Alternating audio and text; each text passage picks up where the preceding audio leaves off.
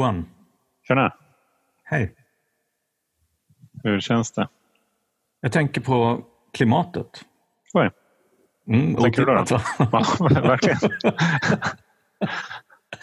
Nej, jag vet inte. Jag, bara, jag fick en sån känsla idag eh, och, och hämtade hunden att alltså, fan, det är första oktober imorgon och det är så, så varmt ute. Och jag bara, brukar det vara så här varmt i slutet av september?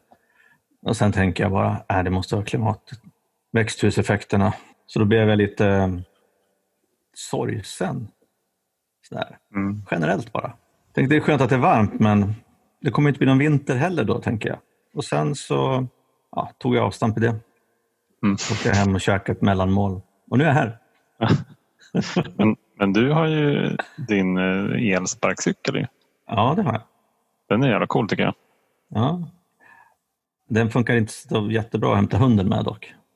Nej, Gib kanske inte är så stabil på Nej, det är bara fyra kilometer bort, men, men eh, baktassarna på den där eh, skotern. han är lite eh, skeptisk mot den. Ja, ja, ja precis. Han, är- han är inte klimatskeptiker. Nej, det är han inte. Nej. Det hoppas jag inte. Själv då? Det var som jag sa innan vi började spela in. Jag tänkte, fan vilken remake ni har gjort hemma, men du är ju inte hemma. Nej. Nej, och för de som inte ser eh, vart jag är, och det gör man ju inte eftersom det här är en podd, så sitter jag uppe i mitt sovrum hemma hos mamma och pappa. Och så är det en jäkla massa Kalle Anka tidningar bakom. Så här Jaha, det är det det är? Ja, från alltså 70-talet. Jaha, jag trodde att det var tre hyllor fulla med ditt stegarbete. Ja, precis. Man skulle kunna tänka att det är steg fyra det där. Det fanns en del att gå igenom. Men eh, det, det, det, är, en, det är en annan hylla i källaren.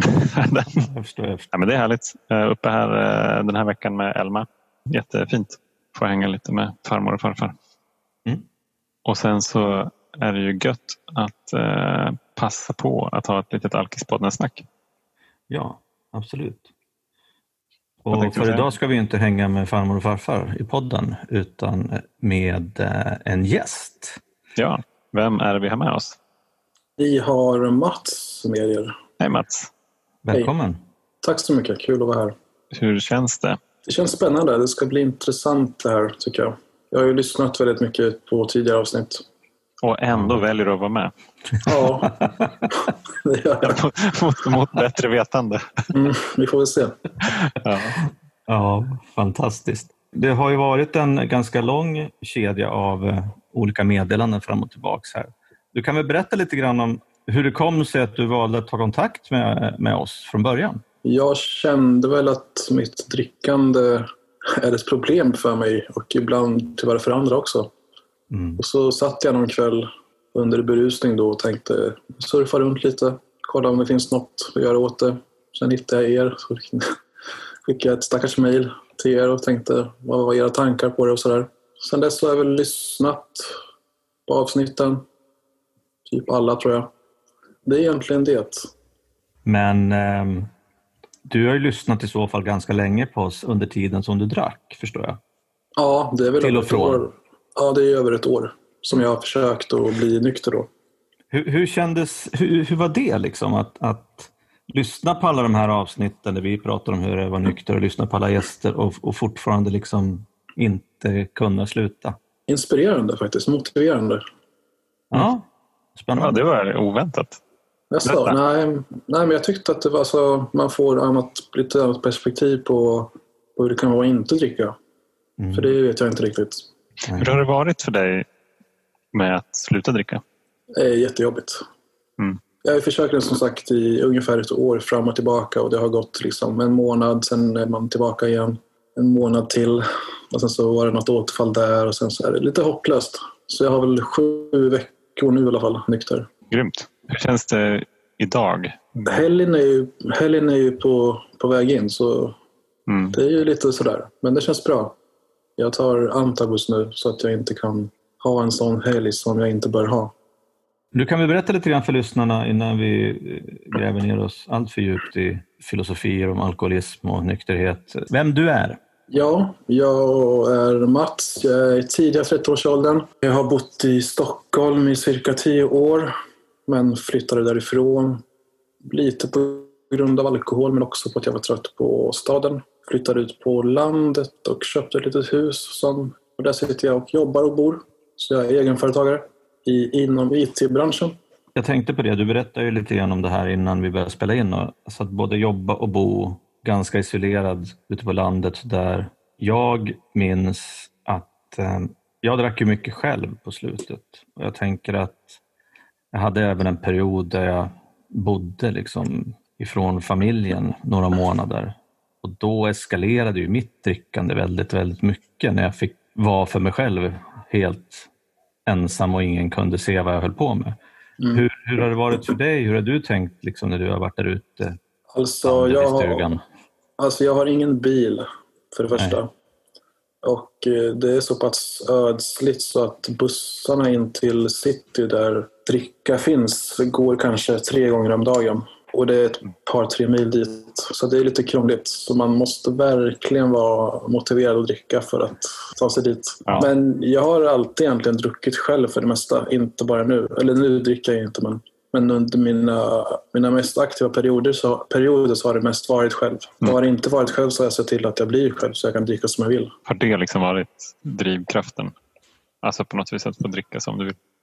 Mm, absolut. Jag kommer ihåg det. Jag var ju en sån som liksom socialdrack först på kvällen.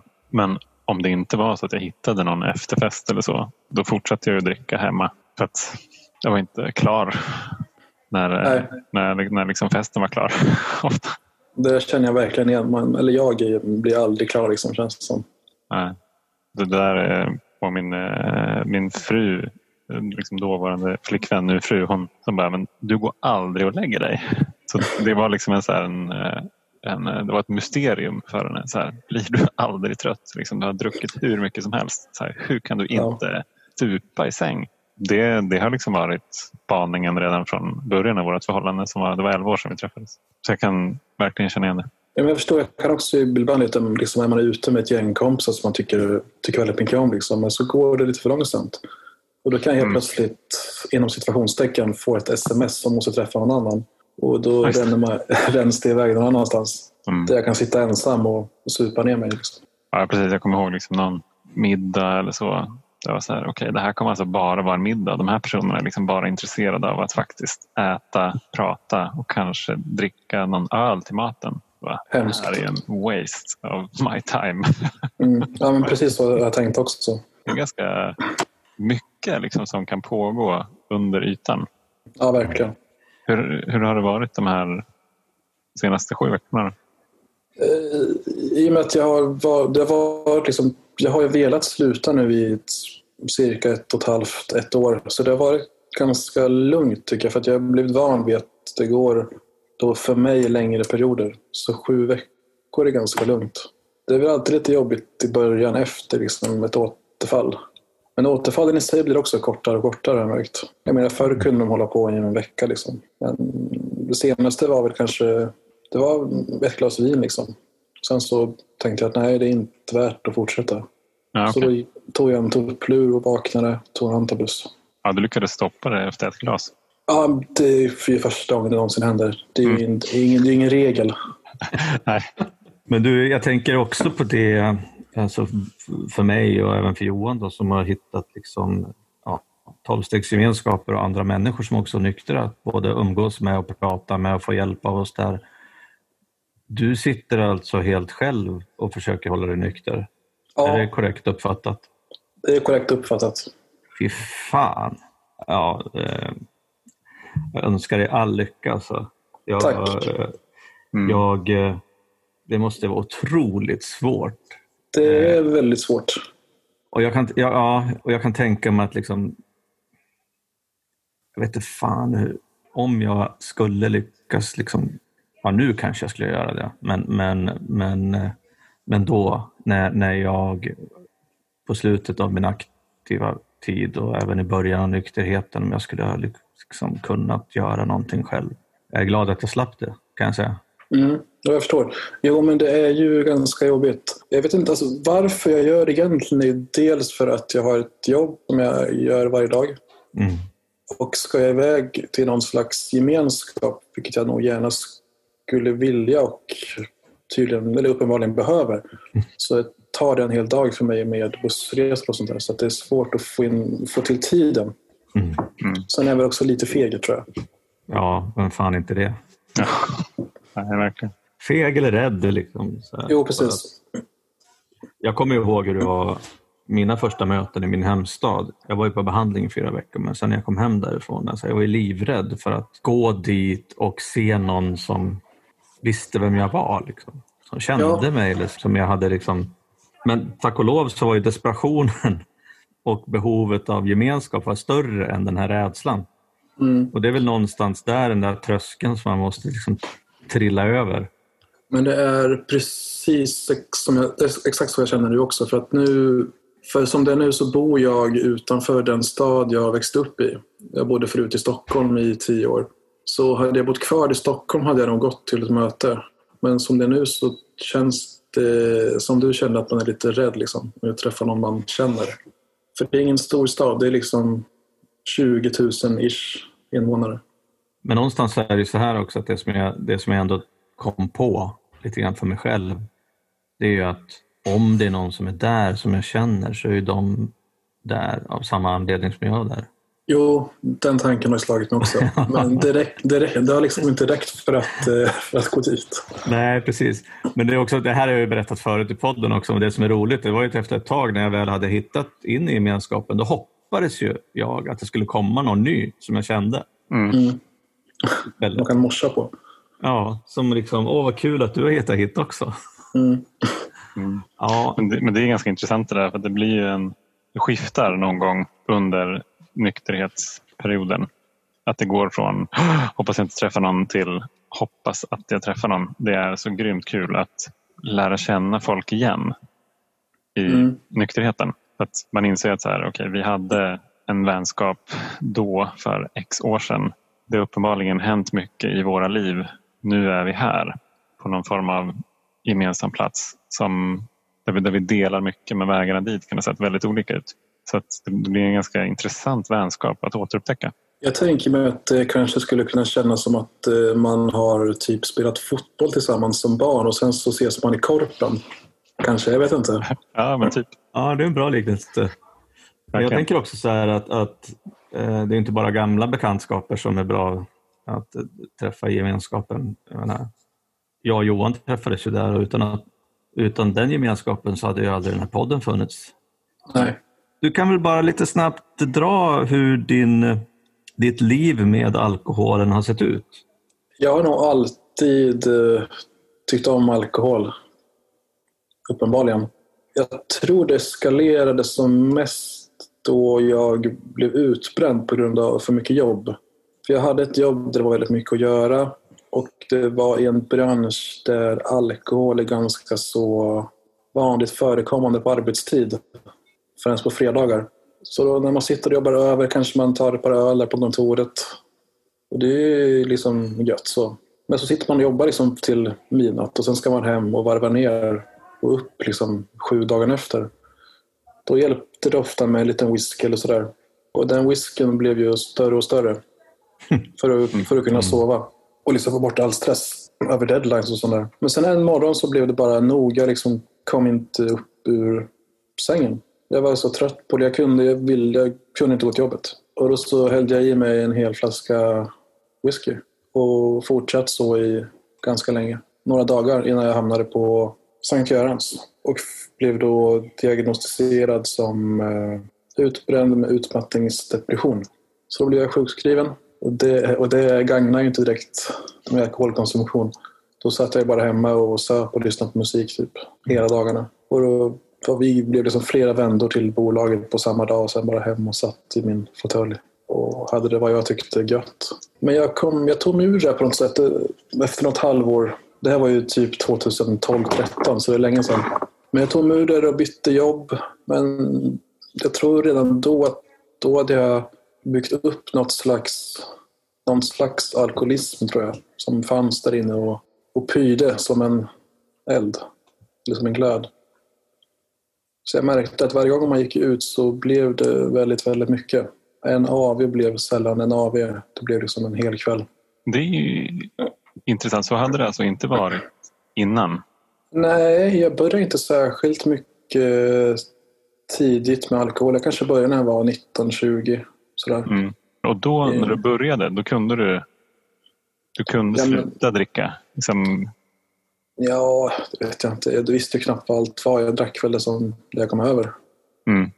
Jag har liksom haft så här, ända från början, ja, men kanske eh, efter tre månader, liksom, eh, efter första gången jag smakade alkohol, så har jag inte kunnat sluta dricka. Men jag väl Nej. börjat, liksom, då, då Det vill jag bara fortsätta. Ja, så är det för mig nu och har varit. Men inte när jag började. Vad jag vill minnas så tror jag inte det var så faktiskt. Sen så blev jag ju oftast fullast såklart. Surprise. Surprise. Ställde till med skit som vanligt. Men nej. Men det är inte förrän, förrän då, 2012-2013, som det verkligen tog fart. Reflekterade du, det, vad fan, reflekterade du över det då? Nej, inte alls. Liksom, nej. Nej, jag tyckte bara det var gott. Kul att vara full liksom. Hur gick det liksom efter den här eskaleringen hade börjat? Då? Nej, jag, blev, jag fick ju ta liksom tabletter alltså för antidepressiva och sådär. Och Mm. försöka sätta igång och liksom ha rutiner och sånt där. Men sen, jag höll mig inte riktigt... Nej, alltså jag drack på som vanligt, men inte mer än vanligt tror jag inte. Jo, men jag tror att alltså, fredagsölen på kontoret, det blev, de blev bara fler och fler. Istället för en så blev det ju sju innan man gick hem. Och hem var ju inte hem, hem var ju då krogen. Som man gick till liksom utan att äta. Sen hem och somna med någon flaska vin någonstans. I bästa fall. Hur gick det med, eh, med jobbet då? Jobbet har ju fått ta lite smällar av det såklart. Eller såklart, det har gjort det. Vad har det varit till exempel? Ja, man har legat inte kunnat sova på söndag till måndag. Det känner ni kanske igen. Liksom inte gå dit istället. Istället tar man en återställare när man vaknar och fortsätter. Ringer in sig sjuk. Och sen så blir det tisdag och tänker man, ja, kan fortsätta. Och sen så går den veckan liksom. Och så är det söndag igen och då har man ju sån sjuk ångest som man inte vet vad man ska ta vägen. Och då får man försöka att ta sig dit och ta sig i kragen och bli nykter liksom. Och det har då oftast gått. Men ibland har det inte gått alls. Ibland har jag liksom försökt att få fram läkarintyg från, från någon doktor för att, för att kunna vara- vara hemma mer än liksom två veckor och supa. Liksom. Något jobb så sa jag upp mig på bara för att jag skulle kunna supa istället. Har du fått några där kommentarer från arbetsgivare? Eller? En gång, då sa jag upp mig på stående fot. Mm. För jag skämdes så mycket. För han berättade saker som jag inte ens mindes hade hänt. Ambulansen hade kommit till jobbet på en AV och hämtat mig. För, för jag var så berusad. Och du kommer inte ihåg det? Nej. Och sen efter det så fick jag gå hem från sjukhuset. Det var en fredag och då vågade jag inte gå till jobbet måndag för jag skämdes så mycket. Så då sjukanmälde jag mig. Sa att jag hade magsår eller något skit. Och var borta i tre veckor. Mm. Sen kom jag, och då höll jag på och kriga. Var ute på krogen. Sen kom jag tillbaka och då ville chefen prata med mig. Försökte jag väl att eh, damma över det lite men det gick inget vidare tror jag inte. Det var ganska tydligt vad han ville. Då fick jag väl någon slags varning men då sa jag upp mig istället. Jobbigt liv alltså. Och hur, hur länge höll det här livet på? Med ångest och att kämpa? Ja, och... jättelänge. Alltså från 12-13 fram till typ 18 med massa sådana olika skit. Vet, man tappade bort telefoner, glasögon, nycklar att ringa låsmeder. Allt sånt där skit. Någon gång sent på natten så hade jag supit bort nyckeln till eh, portdörren. Och då funkade inte koden så då fick jag liksom slå in någon glasruta för att ta mig in i min egen lägenhet. Det blev ju ett jävla liv såklart. Tänk att vi ändå orkar Ja, jag förstår inte det. Jag kan inte År efter förstå. år efter år. Liksom. Att bara, Alla dessa konsekvenser. Ja. När var det du insåg att det var ett problem? Eh, Det insåg jag ju flera gånger, men sket i det. Men sen har jag märkt att liksom mina nära tog skada och liksom inte började må bra för mitt beteende. Då tänkte jag att nu får det fan vara nog. Det här vill jag inte utsätta dem för. Jag kan må dåligt som helst, men jag vill inte att de ska ta liksom, min skit. Det är inte okej liksom. Jag vet liksom, mina föräldrar har fått skicka liksom, ambulans till, till mitt hem i Stockholm. De sitter i en helt annan stad och inte kan, kan komma. Liksom. För de är så oroliga för att jag super. Det är liksom inte okej någonstans. Nej, den är tuff ju. Jo, den är det. Vad var det som... För, du sa att du har försökt att sluta nu i ett och ett halvt år ungefär. Ungefär ett och ett halvt år. Vad var det som var det någonting som hände inför det beslutet så att säga? Jag var på min bästa väns eh, föräldrars 70-årsfest och blev svinfull såklart och gjorde bort mig. Och blev som tillsagd att du får inte dricka mer. Och då skämdes jag ju så himla dant.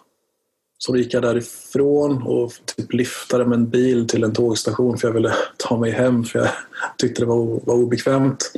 Men då körde de mig tillbaka och då pratade de liksom med de som hade festen och sådär. Nej, det var inte kul att vakna den morgonen. Då tänkte jag att nu, nu slutar jag. Och hur var det då? Vad, vad gjorde du? Vad, vad hände? Vad, vad kände du? Jag vet inte riktigt. Jag försökte väl att ta det lugna. Eller jag sa att jag skulle sluta men jag gjorde ju inte det uppenbarligen. Jag försökte i alla fall. Jag gick till någon alkoholläkare och fick antabus, vet jag. Som jag tog oftast. Men ibland så fuskar jag med det också. För att jag ska kunna dricka liksom. Annars går det ju inte. Det är också en sån här klassisk grej att man, man fuskar med en sån sak som ska. Mm, det är så idiotiskt. Mm. De ville att jag skulle ta den tabletten på sjukhuset tre dagar i veckan. Men det går ju liksom inte med min arbetssituation nu. Det tar för mycket tid. Så jag tar den nu hemma.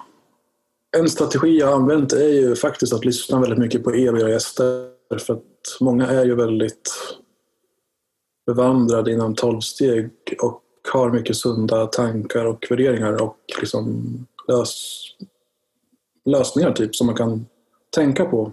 Så det har jag försökt att göra en del. Hur har det gått? Eller kan du nämna något exempel? Nej, men typ om jag lyssnar på ett avsnitt med någon gäst eller mer så skriver jag ibland upp om jag, någon säger något smart och då kan jag liksom, eh, ta fram och titta på det när jag, när jag börjar bli sugen att supa. Mm. Typ att eh, någon, någon sa, det var någon gäst som berättade att han var ute och vandrade eller promenerade och då sa någon att det skulle vara så gott med ett glas bubbel. Och då hade partnern sagt att skulle det verkligen det? Skulle det vara gott med ett glas? Och den kändes verkligen. Mm. Det är en sån grej som, verkligen, som jag verkligen tänker på ofta. Mm. Så tack till den som sa det. Det var Katlin va? Jag har faktiskt tänkt på den själv flera gånger. Ja, mm. men vad härligt så här romantisera kring sitta där på en uteservering och det så gott med en öl. Bara, mm. Ja, det vore ju gott med en, en öl. Det vore jättegott, men det kommer inte bli en. Liksom. Precis, det, det, blir det blir en öl till. ja, och mer till liksom. Ja, exakt. Och sen är det man där igen, nere i skiten. Och att eh, liksom tänka på konsekvenser och så här, vad det har för konsekvenser i kort sikt och lång sikt. Det är sånt har jag skrivit ner också så jag kan titta på ibland vad man har ställt till med. Liksom. Hur känns det när du kollar igenom konsekvenser? Ja, det är ju inte jätteroligt. Det är inget jag tittar på jätteofta. Men mm. när jag verkligen behöver så gör jag det. Och då inser jag att det är ett stort problem. Är och har varit.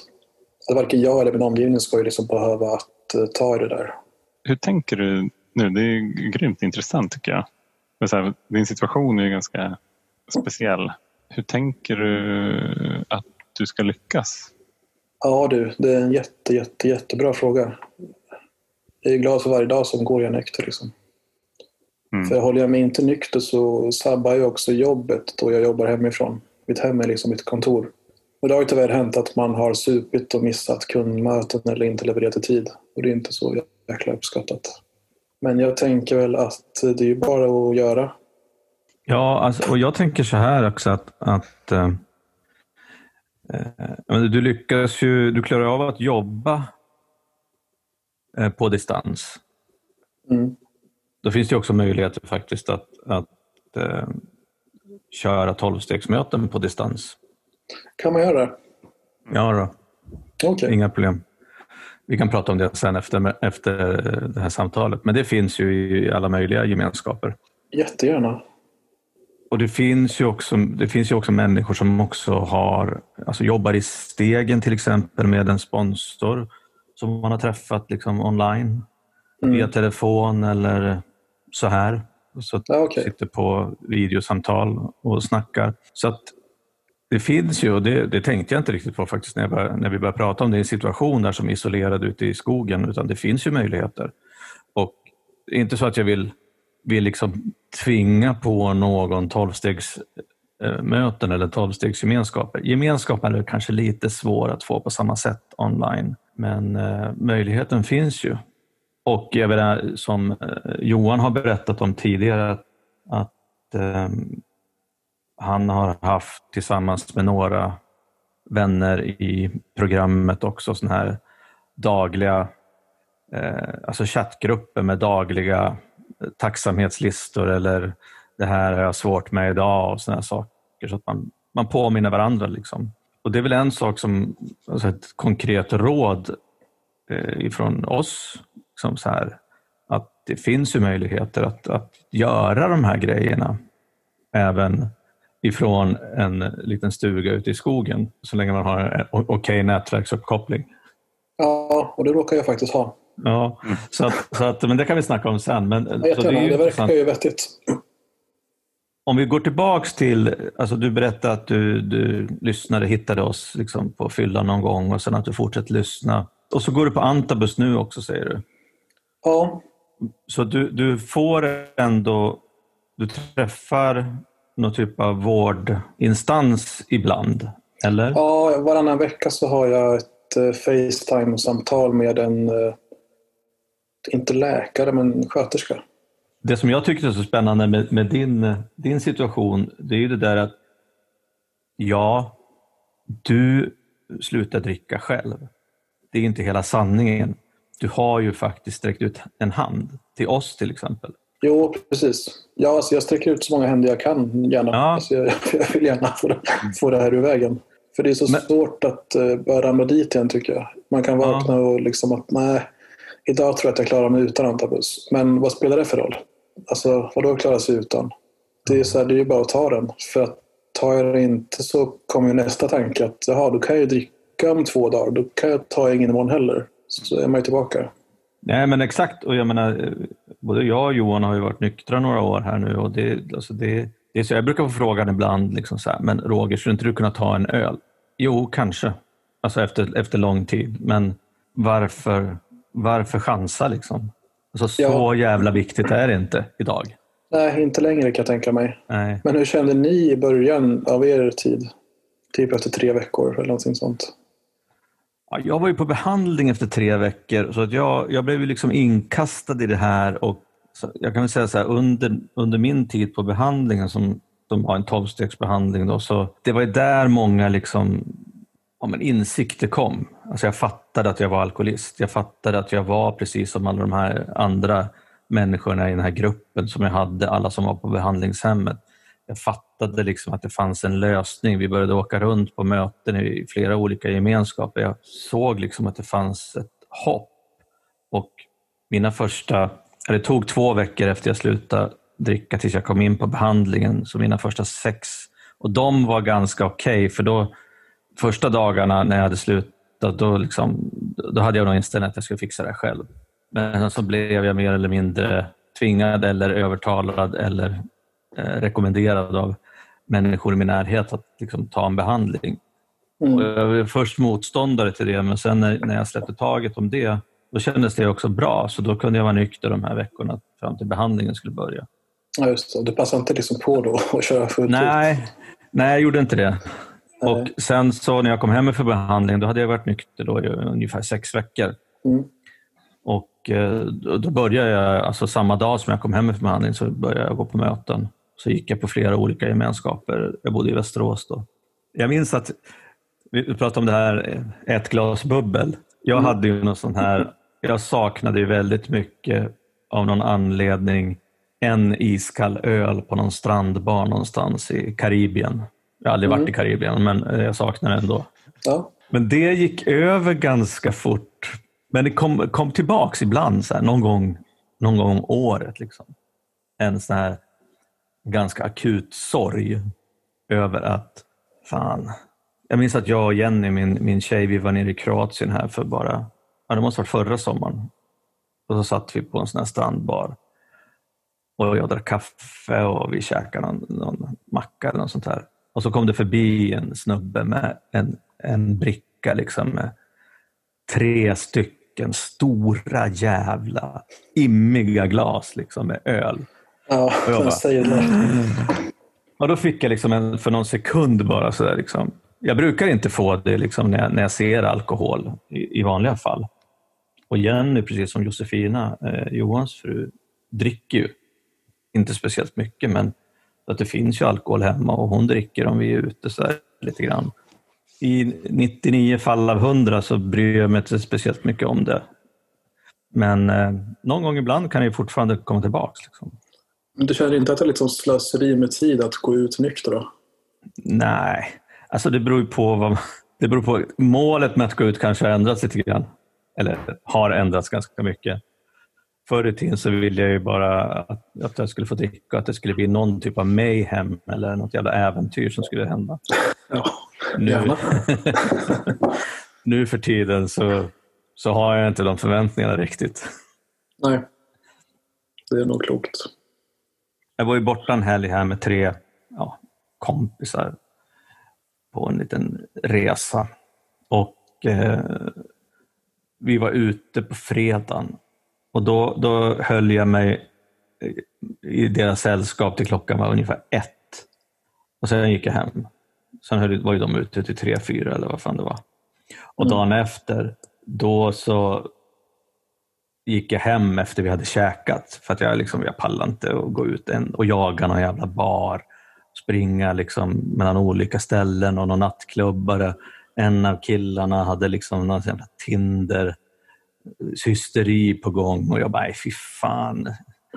Jag, jag orkar inte med det här. Nej, jag liksom. förstår. Så då gick jag hem till hotellet och kollade på fotboll eller vad fan var, istället. Men eh, det gjorde jag ju helt utan... hade- Det fanns ju ingen sorg i det. Jag tyckte bara att det var skönt. Mm. Så det, är väl, det är väl det som händer, tycker jag. Att jag har vant mig vid ett annat liv. Jag har andra förväntningar, och andra mål, jag har andra värderingar. För att om jag hade fortfarande haft samma sug eller värderingar eller mål som jag hade precis när jag slutade dricka, då skulle jag må jävligt dåligt. Och det är det som är liksom tricket, tycker jag, med att, att jobba med eh, både känslomässig nykterhet och att, att skaffa sig en, en gemenskap med andra människor som, som inte dricker heller. Så att eh, då blir livet annorlunda, Mm. bättre. Ja, jag förstår, tror jag. Det är en ganska viktig parameter det där. Det var en mm, liksom, fråga som guppade upp och ner här i mitt medvetande nu. Var, så här, vad, vad innebär nykterhet? Och jag tror att innan jag blev nykter, på riktigt, jag, jag, hade ju, jag, var ju, jag, jag drack inte på fem år mellan det att jag var 20 till 25. Men livet då var ganska jobbigt. Jag hade inte liksom tagit tag i anledningen att det var för jag drack. Jag bara drack inte. Utan jag liksom använde andra strategier istället eh, för att försöka hantera de här känslorna som kändes helt jävla ohanterliga. Så jag började liksom jobba jättemycket, plugga jättemycket. Alltså sådär, det, var, det var ett, ett jäkla jagande efter någonting som skulle kunna få den här känslan av, eh, av mycket rädslor. Eh, att det skulle försvinna helt enkelt. Det är klart att det kan ha funnits där, fina stunder i det där men för det mesta så var det liksom en kamp. Och jag kommer ihåg vilket, vilken eh, frigörelse det kändes som när jag började dricka igen. Jag bara yes, liksom, Äntligen. Äntligen, så här var det. Liksom. Så att när jag blev nykter 2015 då hade jag ju fortfarande en bild av så här, men så här är det att vara nykter. Då är liksom livet en, en kamp. Jag har inte speciellt kul. Jag, eh, det är ganska grått. Så. Men då, där jag var, det, det var ändå liksom ett bättre val än det livet som jag hade. Mm. Sen så visar det sig ju att, att nykterhet, precis som Roger är inne på, när den inte bara blir fysisk utan den också blir känslomässig och kanske liksom andlig nykterhet eller själslig nykterhet. Då betyder nykterhet att vara fri helt plötsligt.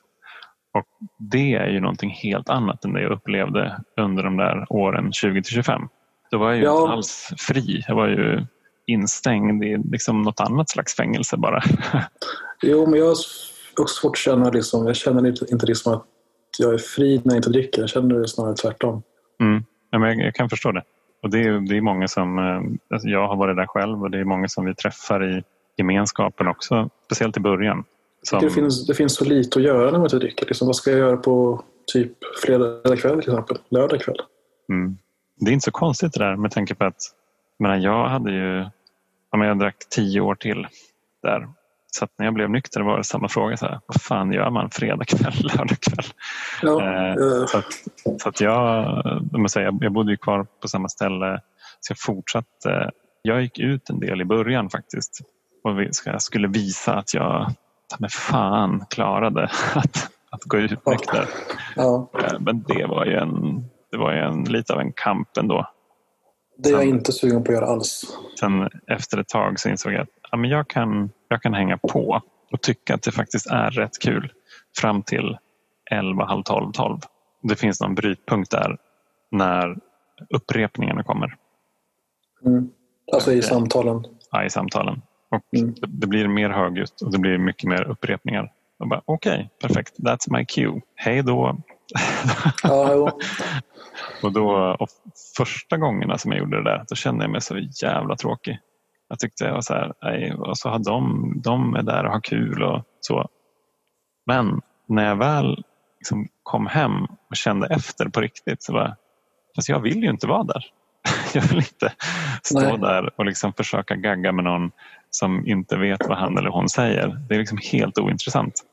Så Mm. bara, fan vad skönt det är att kunna ligga här i sängen, läsa en bok, somna då kanske vid så här 12, halv ett och sen så vakna upp lördag morgon och vara helt fräsch. Den känslan är faktiskt oslagbar nästan. Den är väldigt skön.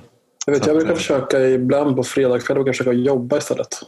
Mm. Men det är också så här, inget jag måste, men det finns ju alltid någonting jag kan göra.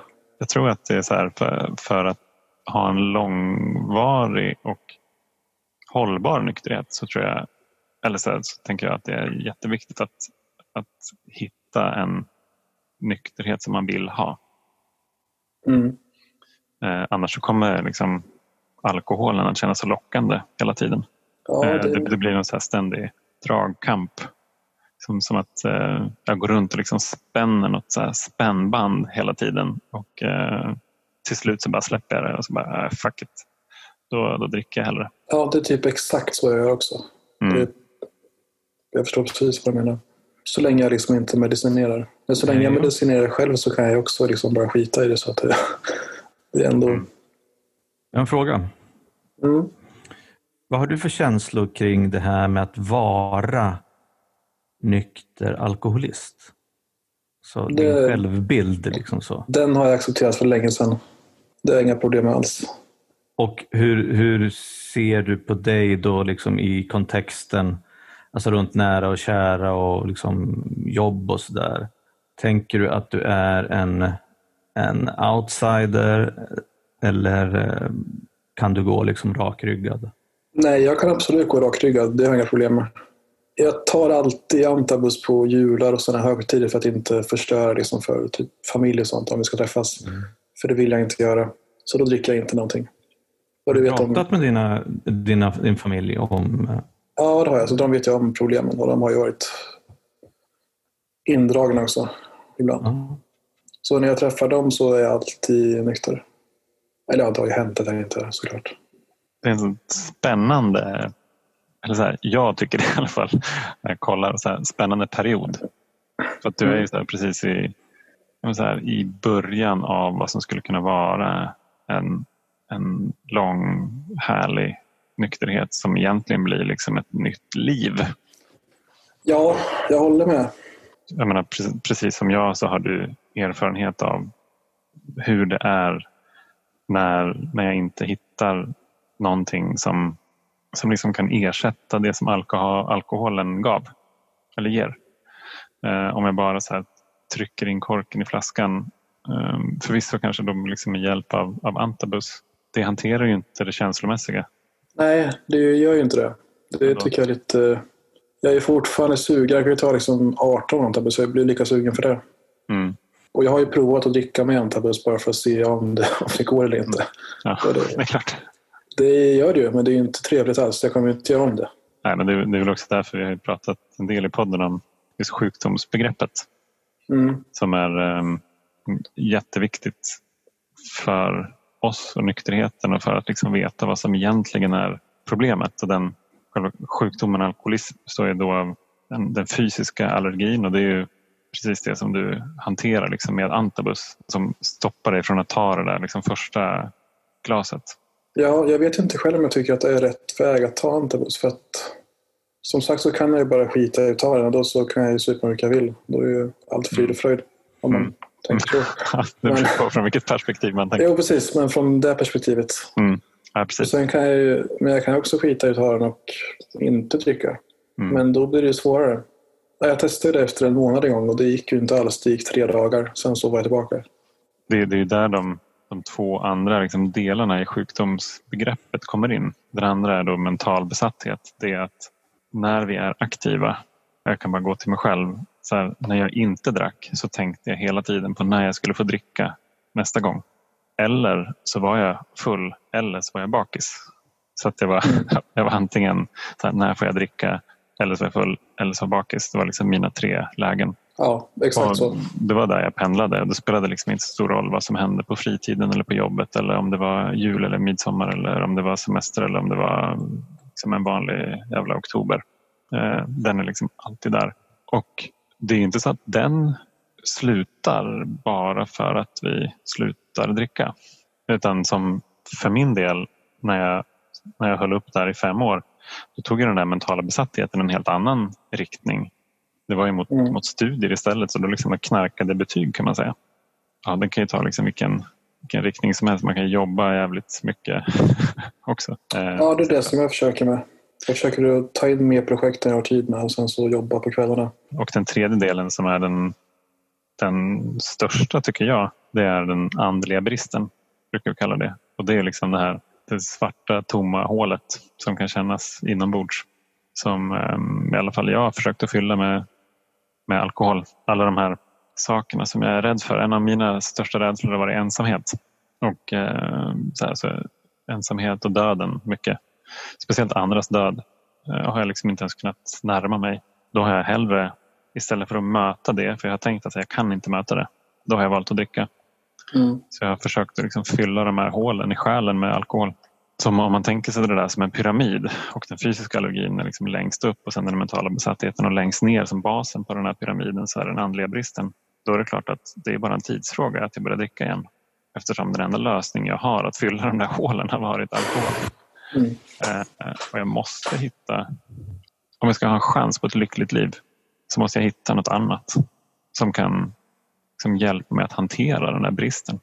Uppenbarligen så liksom alkohol ger någon form av kortvarig effekt för att liksom hantera det. Men precis som när du har gjort dina inventeringar av konsekvenser så märker vi att vi får ju sådana konsekvenser av det så att vi på längre sikt liksom inte, vi vill inte gå dit. Nej, helst inte. Frågan är, frågan är vad vi gör istället och det är, det är där för, för oss som, som tolvstegsgemenskapen har kommit in som ger en, en annan lösning på det till synes när vi var aktiva olösliga problemet. Ja, det, det känns verkligen så att det är, som, att det är olösligt ibland. Inte, inte alltid faktiskt, men ibland. Ja, jag förstår det. Det som jag tycker är intressant, och det är många som har sagt det här, det är inte jag som har hittat på det här. Senast i måndag så hörde vi en kille prata om det här och det är just det att som, som alkoholist så kan man komma till ett läge där man, alltså man fattar att man inte kan dricka. Man kan, jag kan inte dricka, men jag kan inte heller vara nykter. Jag så Ja. jävla dåligt. Precis som Johan är inne på, den lösningen för, mitt, för, för att jag inte kan vara nykter, det är ju att, det är att dricka. Liksom. Så att det är många som uttrycker sig så att men för mig var inte alkohol problemet, det var lösningen när, Ja, när, när jag drack. För att jag kan inte vara nykter. Det här har jag funderat på mycket de senaste åren liksom, i min nykterhet, att det är snarare oförmågan att vara nykter, tycker jag, som definierar en alkoholist, än att man dricker mycket. Mm. Där sa du något. att, att man inte kan vara nykter gör ju att man måste dricka. Men det är ju många som dricker, men de klarar av att vara nyktra. De har inga problem att vara nyktra. Men för mig, det var så här, olidligt. Jag ville inte vara nykter. Jag kunde inte vara nykter. Alltså, och det var liksom mentalt besatt, precis som Johan är inne, inne på. att Bara jag visste liksom att jag kunde få ikväll eller på lunchen eller i eftermiddag, där kommer liksom min kära alkohol tillbaka. Då kunde jag liksom hålla det här ifrån mig. Då kunde jag fungera, leva, ja, eller leva och leva, men liksom verkställa Finnas. saker liksom, i livet i några timmar till. Eller några dagar i värsta fall. Sådär. Men, Ja. men det var ju det, var så, så Så det har jag också, det, det har jag lärt mig egentligen, eller den insikten jag har kommit till att så här, oförmågan att vara nykter, det tycker jag liksom är nästan den, den ja, men lättaste delen att, att kunna dia- diagnostisera en alkoholist på. Mm. Inte hur mycket den dricker, utan hur svårt är det för dig att vara nykter? Jo, men det är jättesvårt. Okej, välkommen. Inte så här, hur mycket dricker du? Hur många enheter per dag? Är du risk, riskbrukare? Alltså det spelar, det är klart det spelar roll, men det spelar mindre roll. Men hej, kan du vara nykter och må bra? Ja, det kan jag. Ja, fan vad skönt. Grattis. Men om du inte klarar av att vara nykter, då är du förmodligen en av oss. Och, precis som Johan är inne på, det är ju den här oförmågan att vara nykter som vi får hjälp med i tolvstegsgemenskapen. Tack vare programmet och stegen och gemenskapen och texterna och andligheten och det där. Så att när vi kan lära oss och till och med tycka om att vara nyktra, förstå att vi behöver vara nyktra och bli lyckliga nyktra, då är det ju lugnt inom Ja, citattecken. Så att det, det är ju just det där som är, det är ju så jävla spännande. För att, och jag tycker att det, det är både roligt och talande att du liksom sitter och nickar och håller med. Du förstår ju vad vi säger. jo, jag har väl lyssnat lite för mycket kanske. Sluta lyssna på den här podden. Ja. Nej, Jag hade lyssnat tillräckligt. Jo, men ja, jag känner också ibland att, eh, att det är ju svårt att hålla sig nykter. Eller ja, det känner jag väl jämt nästan. Men, och ibland så inbillar jag mig att det vore så gott att ta, eller så här, det vore så gott med en öl, men, men det är återigen att det blir ju inte än. Och sen tror, tänker jag ändå, jo men den här gången kanske det blir det. Och så testar jag och så Mm. blir det inte det. Och så, och så är man borta. Men det är inte så konstigt heller med tanke på att vi har lärt oss att det är den enda lösningen som vi har. På hur Inte det tycka. Nej, men alltså, alltså när, när jag drack och även när jag inte drack förut. Då jag visste någonstans att alkohol var det som var min lösning ändå. Sen så har jag fått lära om det. Men det var en sanning som var ganska... Den, den, var, den var jättesvår att eh, liksom skrapa eh, hål på. Ända tills det var jättelätt kan man säga. Ja. Eh, Men, och, och det är där som vi har pratat en hel del om kapitulation i den här podden. Att, att liksom kapitulera inför det faktum att jag är alkoholist och jag kan inte dricka. För min del så var det efter en sån eh, konsekvensanalys av mig själv som jag gjorde ärligt för första gången. Och att jag fick läsa lite om liksom, vad är kemiskt beroende egentligen? Och hur kan det, hur kan det ta sig uttryck? Jag kände igen mig så himla mycket i det. Så var, var det som att det blev väldigt klart. Så här, ja men Johan, du är ju för fan alkoholist. som ditt, ditt liv kommer inte att bli lyckligt om du har alkohol i det. Nej, exakt. Nej, men jag har läst sådana här saker också. Och det var ju ungefär typ så jag kände mig att eh, det kommer liksom inte funka att leva ett kul liv. Eller det kommer inte funka att leva ett sunt liv med alkohol. Det är liksom i vägen för så mycket grejer, känns som. Och det insåg jag då, det har jag insett när jag har läst och lyssnat mycket och, och kollat på konsekvenser och sådär, att det funkar. Liksom. Det fina var som min, en av mina vänner sa som hjälpte mig till terapi. Det var där jag först jag blev nykter. Han sa att han det, du ska inte vara rädd för att slå i botten för det är en jävla fin grej att ta spjärn emot. Ja, det är skönt att höra. när, man, när man studsar upp. Och eh, det är ju precis det. Jag fattade inte vad han sa då egentligen men jag fattade det sen när jag väl hade nått den där botten. Och den är ju den är individuell för oss alla men det är någonstans där så här, när jag får reda på eller får reda på när jag förstår på riktigt vad mitt beteende ger mig för konsekvenser. Och att konsekvenserna i sig liksom gör för ont så kan jag, även fast jag är rädd för att förändras, göra en förändring. Det är någonstans den ekvationen som, som är liksom unik för varje individ. Mm, just att slå i botten har jag tänkt på också. Att när jag väl har gjort det, för jag har gjort det flera gånger tyvärr, så har jag, alltid, så jag har oftast tänkt att så här, nej men det här var inte så farligt. Och sen så har jag fortsatt och sen så nästa gång så, nej men nu är det nog, det här går inte, nu slutar jag. Och sen så är man på det igen och sen så samma sak. Och sen, nej det var inte så farligt. Och jag märker inte själv att det blir värre och värre. Att det liksom, jag får liksom flytta från en storstad för jag ska försöka inte slå i botten. Att, ska, är det det som krävs? Tydligen, jag vet inte. Det har ju vi mött många av i gemenskapen också som behöver slå i botten flera gånger. Man tänker så här, okej okay, nu är det slut. Och sen så bara, ah, men det var inte så farligt ändå.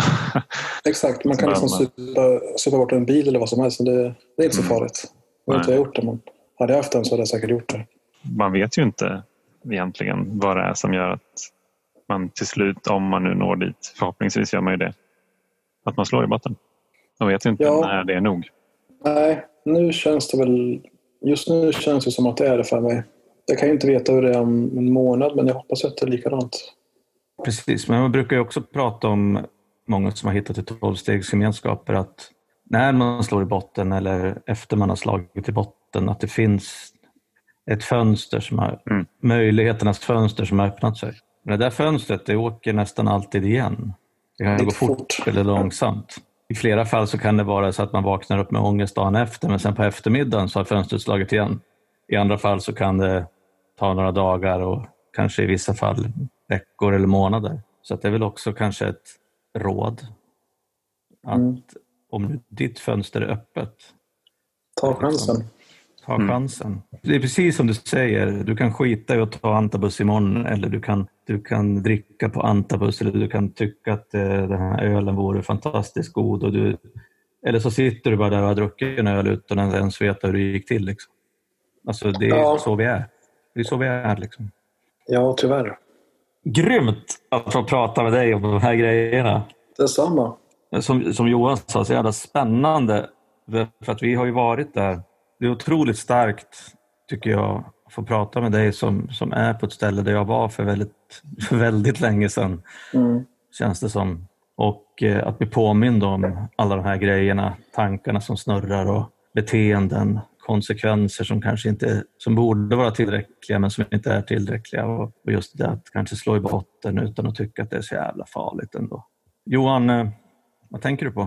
Nej, men jag tänker att det här är liksom ett ett unikt samtal på det sättet. Just att du är där du är liksom på din resa. Det är grymt. Det blir, eh, jag vet inte, det blir väldigt verkligt. Det ja, det var, det var stora ord. Väldigt mycket verkligheten tycker jag. Och jag liksom blir ju påmind om hur det var för mig både under de där fem åren och hur det var innan jag faktiskt slog i botten. Och hur det var liksom första första tiden där när det kunde vara liksom en massa rosa moln en dag och sen så nästa dag så var jag i ett jävla mörker för jag tänkte så här, vad har jag gjort? mm. Jag nickar instämmande. Ja, men att det liksom efter en tid och gradvis kom till någon form av insikt för mig själv om vad är det att vara nykter egentligen. Det, det är inte bara att inte dricka. Liksom att vara nykter är så mycket, mycket, mycket större. Men det måste börja med att inte dricka. Sen har jag möjlighet att faktiskt vara både känslomässigt och andligt nykter om jag väljer att lägga på de perspektiven. Jag känner mig väldigt tacksam över att ha getts den möjligheten och liksom tagit den. Att um, ha varit liksom involverad i tolvstegsgemenskaper och är fortfarande får möjlighet att prata med dig i den här podden och ha den med Roger. Jäkla... Det måste ju vara väldigt nyttigt att ha det här varje vecka tänker jag. Det är mm. verkligen vilken jäkla resa det är att leva, tänker jag. Roger, vad tänker du?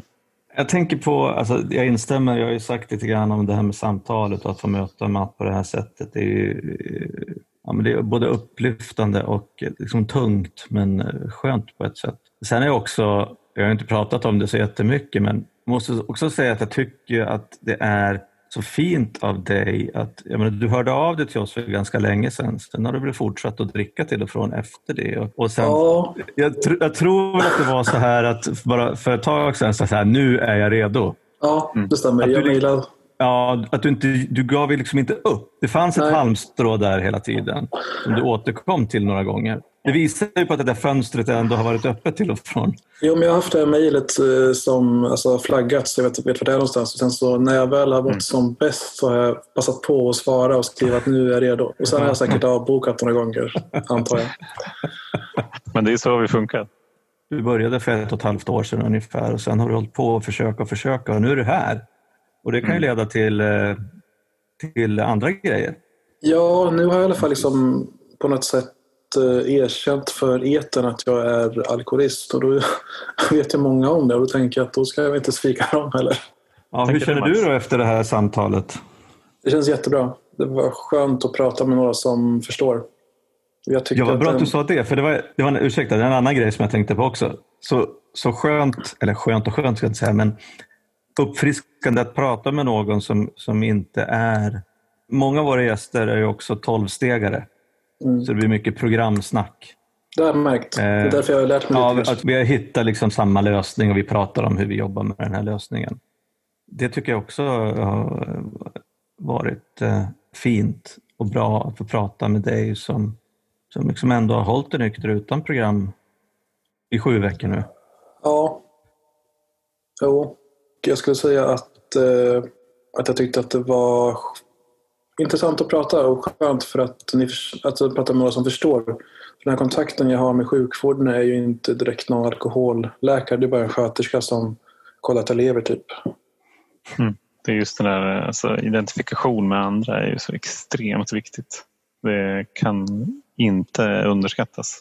Att må dåligt är liksom illa nog men att må dåligt, tänka att man är ensam om att må så dåligt är ju ta mig fan ännu värre. Vi är ju det tills vi märker att vi inte är det. Och där är ju så här, mötet med andra i princip det enda som hjälper. Mm. Eller då att lyssna på poddar till exempel. Men just det där liksom, mötet ger ju någon extra dimension. Det kan jag tänka mig. Jag tror att det skulle vara till stor hjälp. Ja, jag kan varmt rekommendera 12-6-möten online. Vi brukar fråga våra gäster om de har några kloka ord som du vill skicka ut till de som lyssnar. Sluta dricka om ni dricker. Ja, lätt för dig en- att säga. Ja, exakt. Och Prata går ju. Jag tyckte det var väldigt intressant Roger med perspektivet som du gav idag. Jag har inte tänkt på det så. Att en alkoholist liksom har en oförmåga att vara nykter. Det var ju, Nej, som sagt, ja, det, det var det är inte jag som har hittat på det här. Ja, det är inte jag som har hittat på det där, utan det, det var ju det jag hörde eh, i måndags bland annat. Och liksom som, någonting som jag har funderat på och lärt mig av andra nyktra alkoholister de senaste, senaste åren. Liksom. Mm. Och, och jag tycker också att det stämmer väldigt bra. Ja, verkligen. Om du har en oförmåga att vara nykter Mm. kan det vara så att du är alkoholist. Eventuellt. Då finns det en lösning. Mm, det gör det. Ja, ska vi tacka för idag? Mm, jag tackar för idag. Tack jättemycket Mats för att du ville Tack vara med i själva. samtalet. Så. Och eh, ta hand om dig och eh, ta hand om er där ute. Och fortsätt att höra av er till oss med tips på gäster och teman och så på alkispodden.gmail.com eller på Facebook och, och Instagram. Så hörs vi nästa vecka. Ta hand om er. Vi. Trevlig helg. Ha det bra hörni. Hej då. Hej. Ciao!